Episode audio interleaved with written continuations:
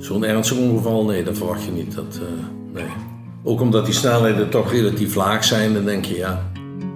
Dit is Martin Kam. Hij is de zoon van de 94-jarige John, die stierf nadat hij met zijn scootmobiel op een auto met caravan botste. De plotselinge dood komt voor zijn vader als een bevrijding, denkt Martin. En ook voor de overige familieleden. Er was veel spanning. John had moeite met ouder worden en daardoor werd hij lastig voor zichzelf en zijn omgeving. Je luistert naar de podcast Project 46, een onderzoek van de Limburger naar de verkeersdood.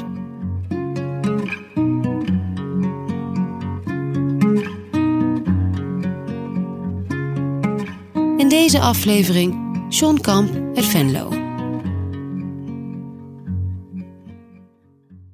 John Kamp, 94 jaar, is op weg naar de kapper. Hij was eerder die dag zijn portemonnee vergeten en gaat terug om zijn knipbeurt alsnog te betalen. John rijdt die vrijdagmiddag 14 september op zijn scootmobiel die hij net een maand of vier heeft. Iets voor half twee in de middag stopt hij voor een rood stoplicht bij het kruispunt Kreeveldseweg Laaghuissingel in Venlo. Als het stoplicht op groen springt, wil de scootmobiel niet starten. John probeert hem aan de praat te krijgen. Hij was daarop zo geconcentreerd dat hij niet in de gaten had dat het inmiddels weer rood was. En groen voor het kruisende autoverkeer. En toen hij uh, ja, de scootmobiel weer uh, kon bedienen, trok hij zo op. John rijdt weg, maar hij heeft dus niet in de gaten dat zijn stoplicht weer op rood staat. Hij botst tegen de caravan van een passerende auto. Door de klap wordt hij uit zijn scootmobiel geslingerd en belandt in de berm. Met een hersenbloeding wordt hij naar het ziekenhuis in Nijmegen gebracht. Daar overlijdt hij twee dagen later.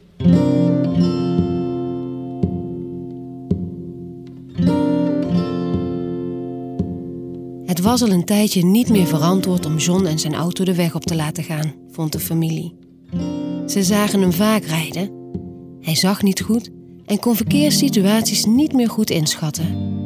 Te oud, te slecht zien, te slecht reageren. Uh, ja, en dan is het is gewoon niet verantwoord. Toch kwam hij telkens door de keuring en behield hij zijn rijbewijs. De verantwoordelijkheid om hem van de weg te halen lag dus bij zijn kinderen. Die krijgen John uiteindelijk zover dat hij zijn auto laat staan. Met pijn in zijn hart, want John heeft al zoveel moeite met ouder worden. Het inleveren van zijn rijbewijs komt bij hem aan als een mokerslag.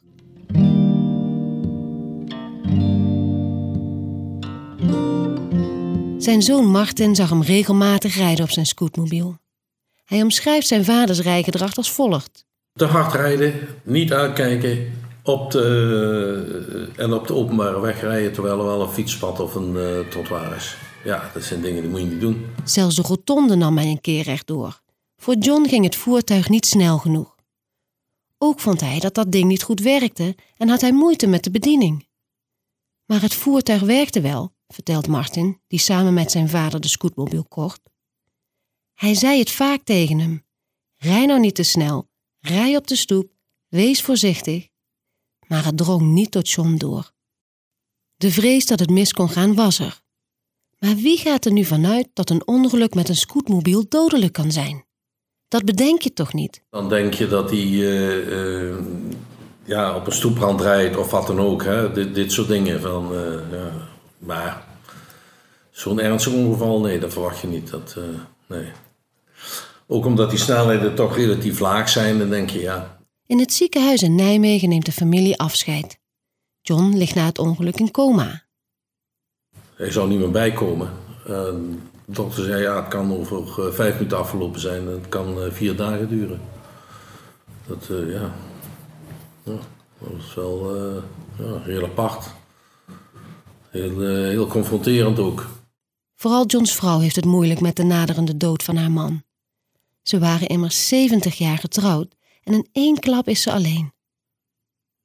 De familie heeft vrede met Johns dood. John, die 94 is geworden, worstelde met oud worden. Veel dagelijkse dingen gingen niet meer. Telefoneren, een bankoverschrijving maken, de nieuwe techniek. John zag het als een aankondiging van het einde van het leven. En dat maakte hem angstig en bitter. Hij had wel moeite met het feit dat hij eh, oud werd, dat hij eh, niks meer kon. eh, en dat was ook enigszins ehm, wat psychisch merkbaar, hè? veel spanning en dergelijke. Gedachten aan het naderende einde beheersten de laatste maanden zijn leven.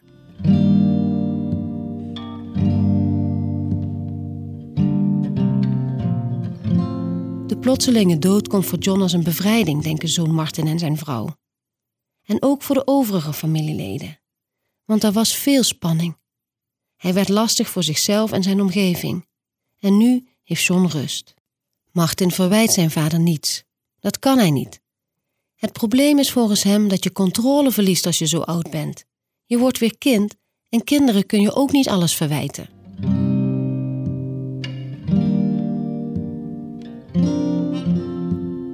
Op een dag krijgt Martin via de politie het telefoonnummer van de bestuurder van de auto met de caravan. Hij belt hem op en nodigt hem uit voor een kop koffie. Ja, die man was echt eh, ook van ontdaan. Hè? En, eh, hij heeft in zijn ook gezien, hè? want hij is opzij is hij tegen die auto gereden, toen tegen de caravan. Hij kon er ook absoluut niets aan doen. En, eh, ja, en toch voelde hij zich, ja, ja, hoe voelde hij zich? Ja, zegt hij, maar ik zat continu gedacht, als ik nou zo had gereden, of als ik nou dit had gedaan, of als ik, misschien had ik dat toch kunnen zien, of... Martin vertelt de man dat hij hem niets verwijt. Hij is eveneens een slachtoffer. En volgens Martin hoeft hij zich niet schuldig te voelen. Het is zijn vader die de fout maakte. Het ongeluk van zijn vader bewijst wat Martin al veel langer ziet: dat ongelukken eigenlijk steeds vaker gebeuren door onverantwoordelijk menselijk gedrag. Daar zijn ook niet zoveel regels voor, hè? want je mag een 80-jarige rustig een, eh, een elektrische fiets geven. Dat, eh, dat maakt niet uit. Maar je moet wel beseffen, die reflexen zijn veel minder. Het effect als je valt met een fiets, ja, normale mensen vallen dan, pijn in de knie, maar dat kan ernstig zijn. Maar wat ze anderen ook aandoen, dat, eh, ja, de vraag is, moet je dat allemaal nog goed vinden? Toen Martin anderhalf jaar terug zelf ten val kwam met zijn mountainbike, is hij gestopt. Hij vindt zichzelf te oud om door de bossen te crossen. Zijn reflexen zijn niet meer zoals vroeger en hij beperkt zich liever tot lange fietstochten. Of hij ter zijner tijd ook de verantwoordelijkheid neemt en zijn rijbewijs inlevert, dat weet hij niet. Bewustwording, dat zal ik wel meemaken. Ik zeg, ja vriend, is dit nog wel... eh, maar of je dan ook die verantwoordelijkheid neemt, ja, ik ben ook maar mens. She left you alone for three days. What on earth were you gonna do? Je hoorde een aflevering van de podcast Project 46, een zoektocht naar de impact van de verkeersdood. Gemaakt door de Limburger. De muziek die je hoort is van Pablo en Luca van der Poel. In de volgende aflevering het verhaal over Bea van Geffen. Ze had net kerstcadeaus in Heerlen gekocht. En als ze terugfietst naar huis, wordt ze op een rotonde geschept door een auto. Haar man is gestopt met de leuke dingen doen en stort zich nu vol op het huishouden. Maar andere dingen doe ik. eh, bijvoorbeeld, ik deed vaker op de computer weet je, een kaartje leggen of zo. Dan was ze met arms, smiddags of zo. Dat heb ik nog één keer geloof ik gedaan. Dat heb ik niet meer gedaan. Wil je niets missen? Abonneer je dan op deze podcast. En als je ons project waardeert, mag je natuurlijk altijd een review achterlaten. Dat helpt anderen deze podcast ook te vinden. En wil je alvast vooruit luisteren? Alle afleveringen vind je gratis op delimburger.nl slash project 46. Three days here on earth to know this is not what you want. Not without her, go tell her. Let the storm.